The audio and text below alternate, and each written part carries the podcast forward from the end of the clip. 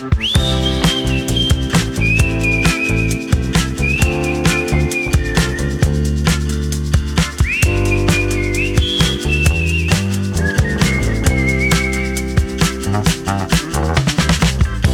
Andreu. Hola, Sílvia.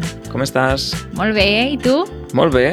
Últimament, una mica amb les emocions a flor de pell, amb Oi. tantes coses que passen, no sé, coses bones, positives, però molt intenses, no? I no sé, Sí. en el teu cas, però moltes emocions aquests dies. Sí. I parlant d'emocions, volia comentar un, una resposta que vam rebre per Telegram al vídeo que vam fer sobre l'amistat. Aquell vídeo que vau fer Ah, sí, amb el Joan, a Solsona. no? a Solsona, que vau preguntar a la gent què és l'amistat. Doncs vam rebre una resposta que m'ha agradat molt, és del Henrik, des de Dinamarca, i diu això. L'explicació simple. Un bon amic et dona suport quan ho necessites, tal com la pinya dona suport al castell. Aquí cal apuntar que el Henrik és membre de la colla castellera de Copenhagen. Molt bé. I l'explicació més complexa. Diu, per mi, l'amistat no és una cosa constant, sinó més aviat fluctuant. A vegades parlem cada dia i d'altres vegades molt poc, potser sense mantenir cap contacte durant setmanes. Però sempre que ens veiem, tornem a ser amics com la primera vegada. Diu, és una cosa que he descobert ara que tinc molts amics de fora i que no puc visitar agafant la bici. I em sembla que és una cosa bonica. No? Sí. Jo crec que és, és una explicació, una definició molt, molt encertada. Mm. Doncs sí, i molt d'acord amb això de que les amistats evolucionen, no? que són coses que fluctuen i que hi ha moments més de més contacte, moments de més distància, no? Sí. Doncs moltes gràcies, Henrik, pel teu comentari. Per qui no ho sàpigui, tenim aquest canal de Telegram on compartim totes les publicacions, tant dels vídeos com dels episodis del podcast, i podeu deixar-hi doncs, notes de veu o textos o fins i tot compartir fotos, el que us vingui de gust, d'acord? Molt bé. I abans d'entrar en el tema del dia, avui volíem parlar també d'una altra novetat. De, Una projecte. més! Una més. una altra novetat. I aquesta és un joc que hem fet, o diguéssim que des d'Easy Catalan l'estem promovent, que es diu llengut. Llengut és un adjectiu i vol dir que té molta llengua. O sigui, la definició és que té molta llengua, no? I aquest és el nom Què, què és això del joc del llengut? el, el joc del llengut és un joc basat en preguntes, com el clàssic trivial, que són preguntes que poden ser de coneixement general o no tan general, perquè jo he jugat al trivial i és molt difícil. No sé si Molt. has jugat tu. Molt, no? Sí, molt. Hi ha versions més fàcils, però en general és molt difícil. Bé, doncs aquest projecte, anomenat Llengut, ha començat com un projecte a les xarxes, que el podeu seguir a Twitter i a Instagram, i cada dia veureu una pregunta diferent. Així que seguiu-nos el joc, no? Seguiu-nos el joc. Exacte, seguiu-nos el joc, el podeu trobar amb el nom de El Joc Llengut, arroba El Joc Llengut, tant a Twitter com a Instagram. I aleshores, cada dia veureu una pregunta que pot ser d'una de les sis categories. Ah, per això, per això són de diferents colors, no? I tenen com un animaló Uh -huh. diferent. Exacte. La imatge del llengut és un camaleó, perquè el camaleó té la llengua molt llarga, no? Té molta llengua. I aleshores, les imatges que representen cada categoria són insectes diferents. Les categories són història, entreteniment, diccionaris, gramàtica, geolingüística i traducció. A història podem trobar preguntes relacionades amb fets i esdeveniments relacionats amb la llengua, no? o preguntes sobre textos o figures històriques en l'àmbit de la lingüística. Després hi ha la categoria d'entreteniment, on hi ha preguntes sobre les llengües que parlen personatges famosos, no? com per exemple actors de Hollywood o, no sé, o llengües Mm. creades per a la ficció, les llengües de Tolkien, les llengües del món de Harry Potter, les de Star Trek, El Klingon. el Klingon, no? Després tenim la categoria de diccionaris, on hi ha preguntes sobretot d'ortografia, de significats, de relacions semàntiques, no? I podem trobar molts dialectalismes o etimologies, Wow. també. A la categoria de gramàtica hi tenim conjugacions verbals, gèneres gramaticals, pronoms febles, correcció d'errors... Després hi ha geolingüística, que és molt interessant. De quin color és? La geolingüística és blava, d'acord? Blava, Història és groga, entreteniment vermella, diccionaris lila, gramàtica verda, geolingüística blava i traducció taronja. I a geolingüística es parla, o les preguntes són sobre oficialitats. Per exemple, on és oficial tal llengua? O quina és la llengua oficial de tal país? Mm -hmm. Nombres de parlants, quants parlants hi ha oh. d'aquesta llengua? Sí? O també topònims i gentilicis, no? Com es diuen els habitants de Lisboa? Doncs, lisboetes. Uau! Curiositats així. I finalment, a traducció, hi podem trobar preguntes sobre falsos amics o paraules que són molt difícils de traduir, no? Aquella típica paraula mm -hmm. que vol dir allò en, en noruec, però que és molt difícil de traduir al català. doncs coses així. D'acord? Per tant, si us interessen aquestes qüestions, aquestes curiositats lingüístiques, us deixem l'enllaç a les notes del programa, però recordeu que és arroba el joc llengut. Tema del dia. Doncs el tema del dia d'avui és els nostres referents, és a dir, aquelles persones o aquelles figures que en algun moment de la vida, no cal que hagi sigut sempre, però que ens han inspirat o que hem admirat, no? que ens han servit com a referents, que els hem tingut com a referents. Aleshores... No sé jo si tinc molts referents, eh? però vinga. D'acord, bé, no tothom n'ha de tenir, o sigui, no, mm -hmm. no és que sigui obligatori tenir-ne, però Sí que és veritat que al llarg de la vida potser hi ha hagut alguna figura que t'ha interessat més, no? que l'has trobat admirable o que t'ha marcat, mm -hmm. no? Sí. Aleshores, tu recordes un primer referent? Una primera persona o figura que per tu fos un referent? Jo crec que el, el referent més important que he tingut jo a la meva vida ha sigut la meva àvia. D'acord. O sigui, un referent dins de la família. Sí. Molt bé. I ho dic perquè és amb la persona, la persona que ens cuidava, la persona que, amb qui passàvem més hores, la persona que em va educar, que em va ensenyar i, i per això dic que és el meu referent més primordial perquè hem estat molts anys juntes i per tant aquesta persona doncs, per mi va marcar i marcarà tota la vida com sóc i com seré. Mm -hmm. I quines qualitats són les que tens més presents quan penses en ella? Si es pot Una que compartir. potser no és molt bona, però és la tossuderia.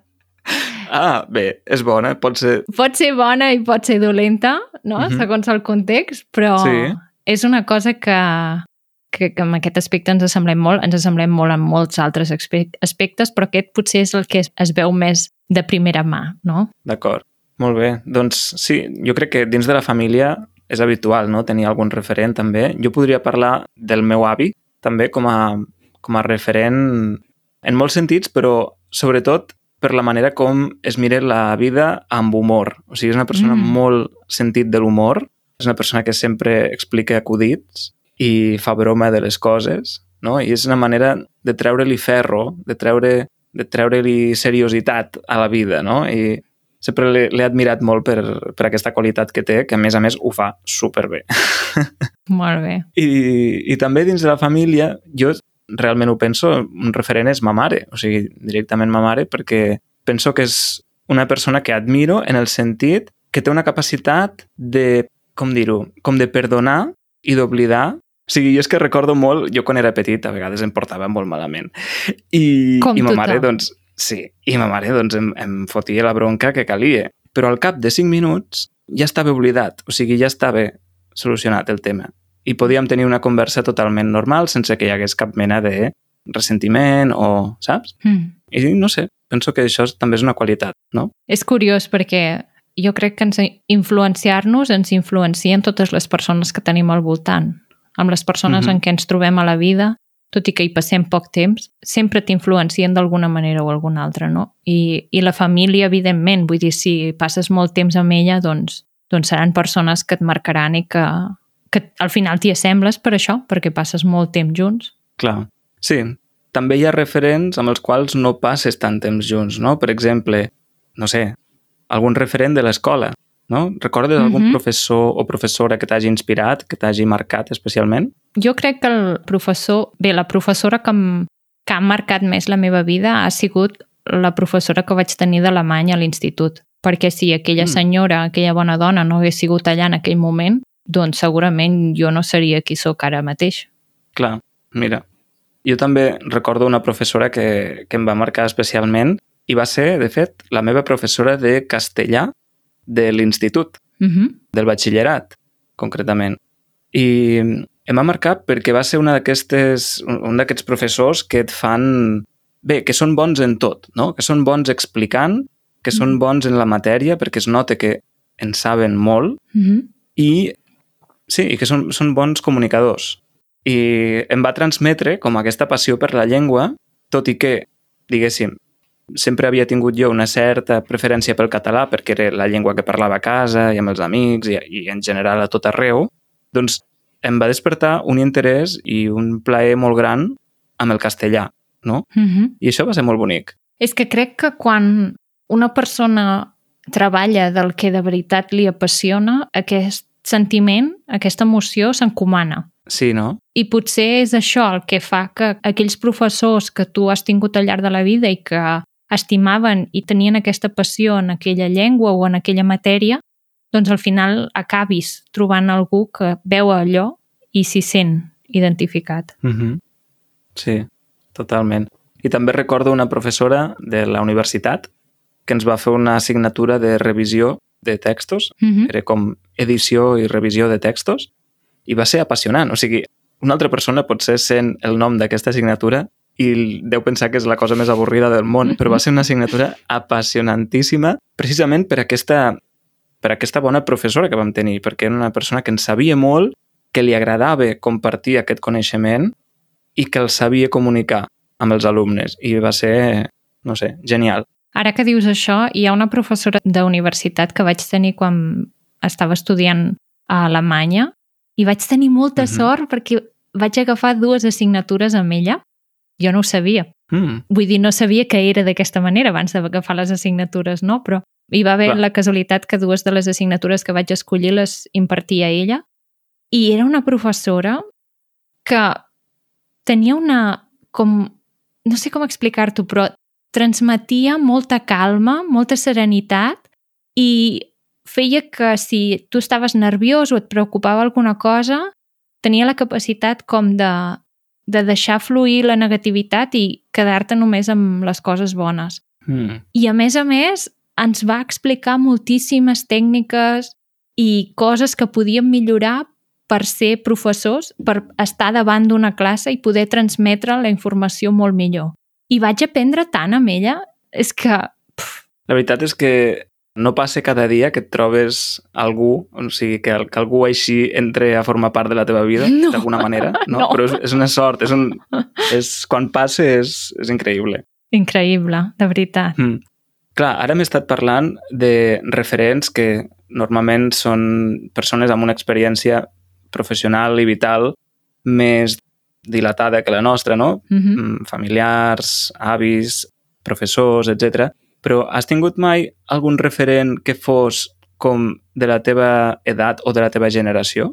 Potser jo no en diria un referent, Uh -huh. però sí que, evidentment, els amics que he tingut al voltant, que han sigut de la meva edat, m'influencien amb aspectes que jo potser els veig d'una manera i ells els veuen d'una altra. Mm. No? Jo potser ho veig de forma preocupant i l'altra persona ho veu completament diferent que jo.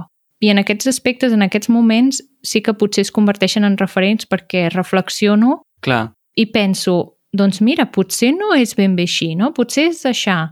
O crec que seria més amb aquest aspecte, amb l'aspecte de reflexionar de la teva manera de ser i veure que hi ha diferents maneres de ser, de veure alguna cosa, algun motiu, alguna raó, i dir, d'acord, doncs mira, no tot és blanc o negre, també hi ha aquest gris aquí entremig que Uh -huh. m'ho ha ensenyat tal persona. I això crec que només s'aconsegueix amb les persones que són molt a prop teu, que són amics o molt bons amics, perquè amb aquelles persones són amb les que de veritat parles sobre els temes que et preocupen, els temes que, que potser no, no saps del tot.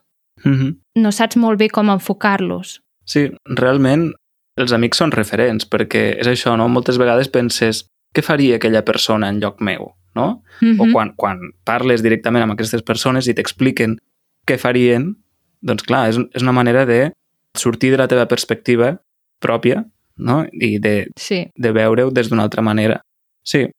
Doncs jo, de la meva generació o de la meva edat, també puc parlar d'una amiga, eh, en aquest cas, i és d'una amiga que per mi sempre ha sigut un referent perquè és una persona que sap viure com molt intensament els moments, o sigui, cada moment, Ah, saps? sí. És una persona molt emocional i sap, no sé, sap riure de qualsevol cosa, no? De- sap fer broma amb qualsevol cosa que passe, sí, molt espontània i per mi sempre ha sigut un referent per això. Molt bé. Clar, també hi ha una altra categoria de referents i és que podem tenir referents que són del món de la ficció, o sigui, Mm. potser hi ha algun personatge que ens ha, que ens ha servit d'inspiració, no? La veritat és que jo, personatges així mm, famosos, vull dir, persones, actors, actrius Hmm. o cantants, no? Mm, Futbolistes, no? algun esportista i això, no, no, no he sigut mai de seguir a ningú. Mm -hmm. Sempre penso que, que sí que en un moment determinat aquella persona pot dir una cosa concreta que sigui molt acertada i que jo pensi el mateix o que em faci reflexionar i digui, mira, doncs aquí l'ha endevinat, no? Mm -hmm. però com que jo aquella persona no la conec del tot, no sé com es comporten els altres àmbits, no pot ser com un ídol per mi. Hmm. Llavors, simplement pot ser un referent si en aquell moment, en aquella situació, ha dit allò i penso, mira, doncs això em representa, no? Vull, penso que, que aquesta persona l'ha encertat en aquest moment. I, per exemple, em ve al cap una actriu, que no sé si coneixes, que es diu Rossi de Palma, Sí. la Rosy de Palma, pel qui no la conegui, és una actriu que ha fet moltíssimes pel·lícules i sèries espanyoles i la seva característica física principal és que té un nas molt gran i mm, corbat. Mm -hmm. Hi va haver una època en què va començar la gent a fer-se moltes operacions estètiques Sí. per canviar el seu aspecte físic i que fos mm, segons diuen els estereotips i la norma. Mm -hmm. I me'n recordo que mm, un dia mirant la tele va aparèixer aquesta actriu allà, li estaven fent una entrevista i li van preguntar Rossi, tu per què no t'operes? I així no tindries aquesta nàpia, no? No tindries aquest nas. Hmm. I ella va dir, si jo m'operés i em canviés el nas, ja no seria més la Rossi de Palma. I vaig pensar, hòstia, quina raó té aquesta dona? Vull dir, la gent que, que canvia tant el seu aspecte, a qui es vol assemblar? Mm -hmm. No li trobo jo molt sentit. Llavors, aquesta dona estava completament empoderada. Vull dir, tant li era el que li diguessin sobre el nas o sobre una altra cosa. Mm I -hmm. Vaig pensar, uau, impressionant. No tothom té aquesta autoestima, aquesta valentia de sortir a la tele i dir jo per què m'he d'operar? Perquè ho diguis tu? Doncs no em dóna la gana. doncs sí, doncs és un molt bon referent, realment. Però jo aquesta senyora, per exemple, no la conec de res. Vull dir, per Ja. mi no és un referent en si perquè jo no sé quina és la seva ideologia, ni què fa, ni què deixa de fer. Només que aquest moment em va semblar molt èpic. I com aquest, hi ha moltes altres persones que han tingut situacions o moments que m'han semblat molt interessants. Però potser tu tens un referent més clar. Sí, no, per això parlava de que els referents no... És una mica com les amistats que hem dit al començament de l'episodi, no? que no han de ser constants i permanents tota la vida. Pot ser que en un moment Mm. donat de la vida tinguis un referent perquè en aquell moment doncs, et crida més l'atenció una cosa o, o li, pares, li dones més importància a una cosa concreta, però està molt bé, o sigui, com a referent de persona amb una bellesa no normativa i molt empoderada, està genial. Sí. Hmm. Bé, jo, jo de fet, eh, o sigui, et volia preguntar per personatges de ficció, no? O sigui, per exemple, Ah, ficció. sí, algun, jo què sé, personatge d'una pel·lícula, d'una sèrie o d'un llibre que a tu t'hagi servit com a inspiració, d'alguna manera, o que hagis admirat, No se m'acudeix ningú. Quin és el teu? no? A veure, jo el meu tampoc hi he pensat gaire, eh? però sí, primer vaig pensar en les categories i quan vaig pensar en aquest, realment la, la, el primer nom que em va venir a la ment va ser el d'Hermione Granger. De veritat? Sí, perquè, perquè els llibres de Harry Potter van ser els que em van fer descobrir el gust per la lectura i el personatge amb el qual moltes vegades em vaig sentir, doncs això, inspirat, no? o vaig sentir admiració, va ser l'Hermione Granger com a persona. Amb, amb, no sé, com amb molta valentia, coratge, intel·ligència, no? Mm. lleialtat als seus amics, no sé, Ah. crec que és un personatge molt, molt admirable en molts sentits Mm. i sí, podria dir aquest. Uau. No ho sé. no sé què dir-te, no, no, no se m'acudeix res. Però, per exemple, un, per dir una pel·lícula que em va agradar molt, uh, L'Intocable, que és aquesta sí. pel·lícula francesa, Uh -huh. en què hi ha una persona que és tetra- tetraplègica i busquen una persona que el cuidi, que faci de cuidador. I al principi sí. de la pel·lícula, no faig cap spoiler a ningú, és el principi de tot, hi ha una sala de- d'espera de, mm, molt gran amb tot de gent que són infermers. Vull dir, van amb bata blanca i el que volen és cuidar d'aquella persona com si fos un malalt. I al final Mhm. acaben contractant a una persona que el tracta com una persona, no com un malalt. Ja. I, i crec que això, personatges d'aquest tipus en pel·lícules, sèries que he vist, són personatges que, que són referents, que vull, que vull assemblar-m'hi, que vull ser com ells. Exacte, això són referents, no? Persones que, en les quals t'emmiralles, no? I penses, aquesta qualitat d'aquesta persona no, la vull absorbir. o sigui, jo vull ser així, no? D'alguna manera. Sí. sí, persones que t'inspiren, sí. Molt bé. Doncs abans d'acabar aquest episodi volia compartir un últim referent i fer un petit homenatge a una persona que, que ens va deixar fa poc. Aquesta persona es deia Carme Junyent i era una professora de lingüística Mm. de la Universitat de Barcelona. I és una persona que a mi m'ha inspirat en molts sentits, però sobretot pel que fa a apreciar el valor de les llengües, no? O sigui, le- l'estima per les llengües en general i les llengües com a cosa, com a cosa pròpia dels parlants, no? Carme Junyent, a part de ser professora de lingüística, doncs era un especialista en llengües amenaçades i concretament llengües africanes. Vull dir, no era ni, ni filòloga catalana, ni, saps? El seu àmbit era, eren les llengües africanes. I era una gran coneixedora dels processos de substitució lingüística, no? De, en països o regions on conviuen diverses llengües i una llengua va reculant. La qüestió és que Carme Junyent també doncs, era escriptora i divulgadora lingüística i va aportar molt de coneixement, molta llum sobre com funcionen les llengües, no? sobre les dinàmiques sociolingüístiques i, per tant, va aportar moltes propostes per millorar la situació del català. Mm -hmm. I alhora, tot i tenir, ser una persona que sortia a la televisió, a la ràdio, perquè s'explicava molt bé d'una manera molt planera, era una persona que sempre estava del costat de les minories i de la gent del carrer, no? Mai ha sigut una persona que donés tot el suport de manera acrítica a les institucions o, o no? A, Sí. als que estan més amunt, sinó que era una persona com amb un discurs molt propi, una lliure pensadora i, bé, no sé, una persona que parlava clar. No? Una persona... I, I dir les coses clares, o sigui, explicar-se de manera clara, és un signe d'intel·ligència, no? No és tan fàcil Oh, i tant. dir les coses Costa molt. senzilles, exacte. Aleshores, per mi va ser un gran referent. Hi ha llibres seus que es poden recomanar, com Els colors de la neu, en què juntament amb un altre professor parlen de curiositats lingüístiques, Mm. de llengües d'arreu del món, o El futur del català depèn de tu, o molts d'altres, no? Per tant, Carme Junyent, apunteu-vos aquest nom perquè el llegat d'aquesta persona és immens. Penso que ha fet aportacions molt interessants per a nosaltres com a comunitat lingüística, Mm. però també per a altres comunitats lingüístiques. El que deia abans del, de les minories, doncs Carme Junyent també ha estat una gran defensora de la comunitat signant, la comunitat que parla Sí. sí. llengua de signes catalana.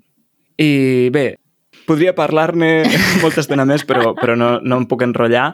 Aleshores, simplement doncs, fer aquest petit homenatge a Carme Junyent i, i a tot el seu llegat, perquè, de fet, he de dir que Carme Junyent va ser en gran part qui em va inspirar a iniciar aquest projecte que ara està sortint a la llum, que es diu Llengut. Així que, Així que bravo!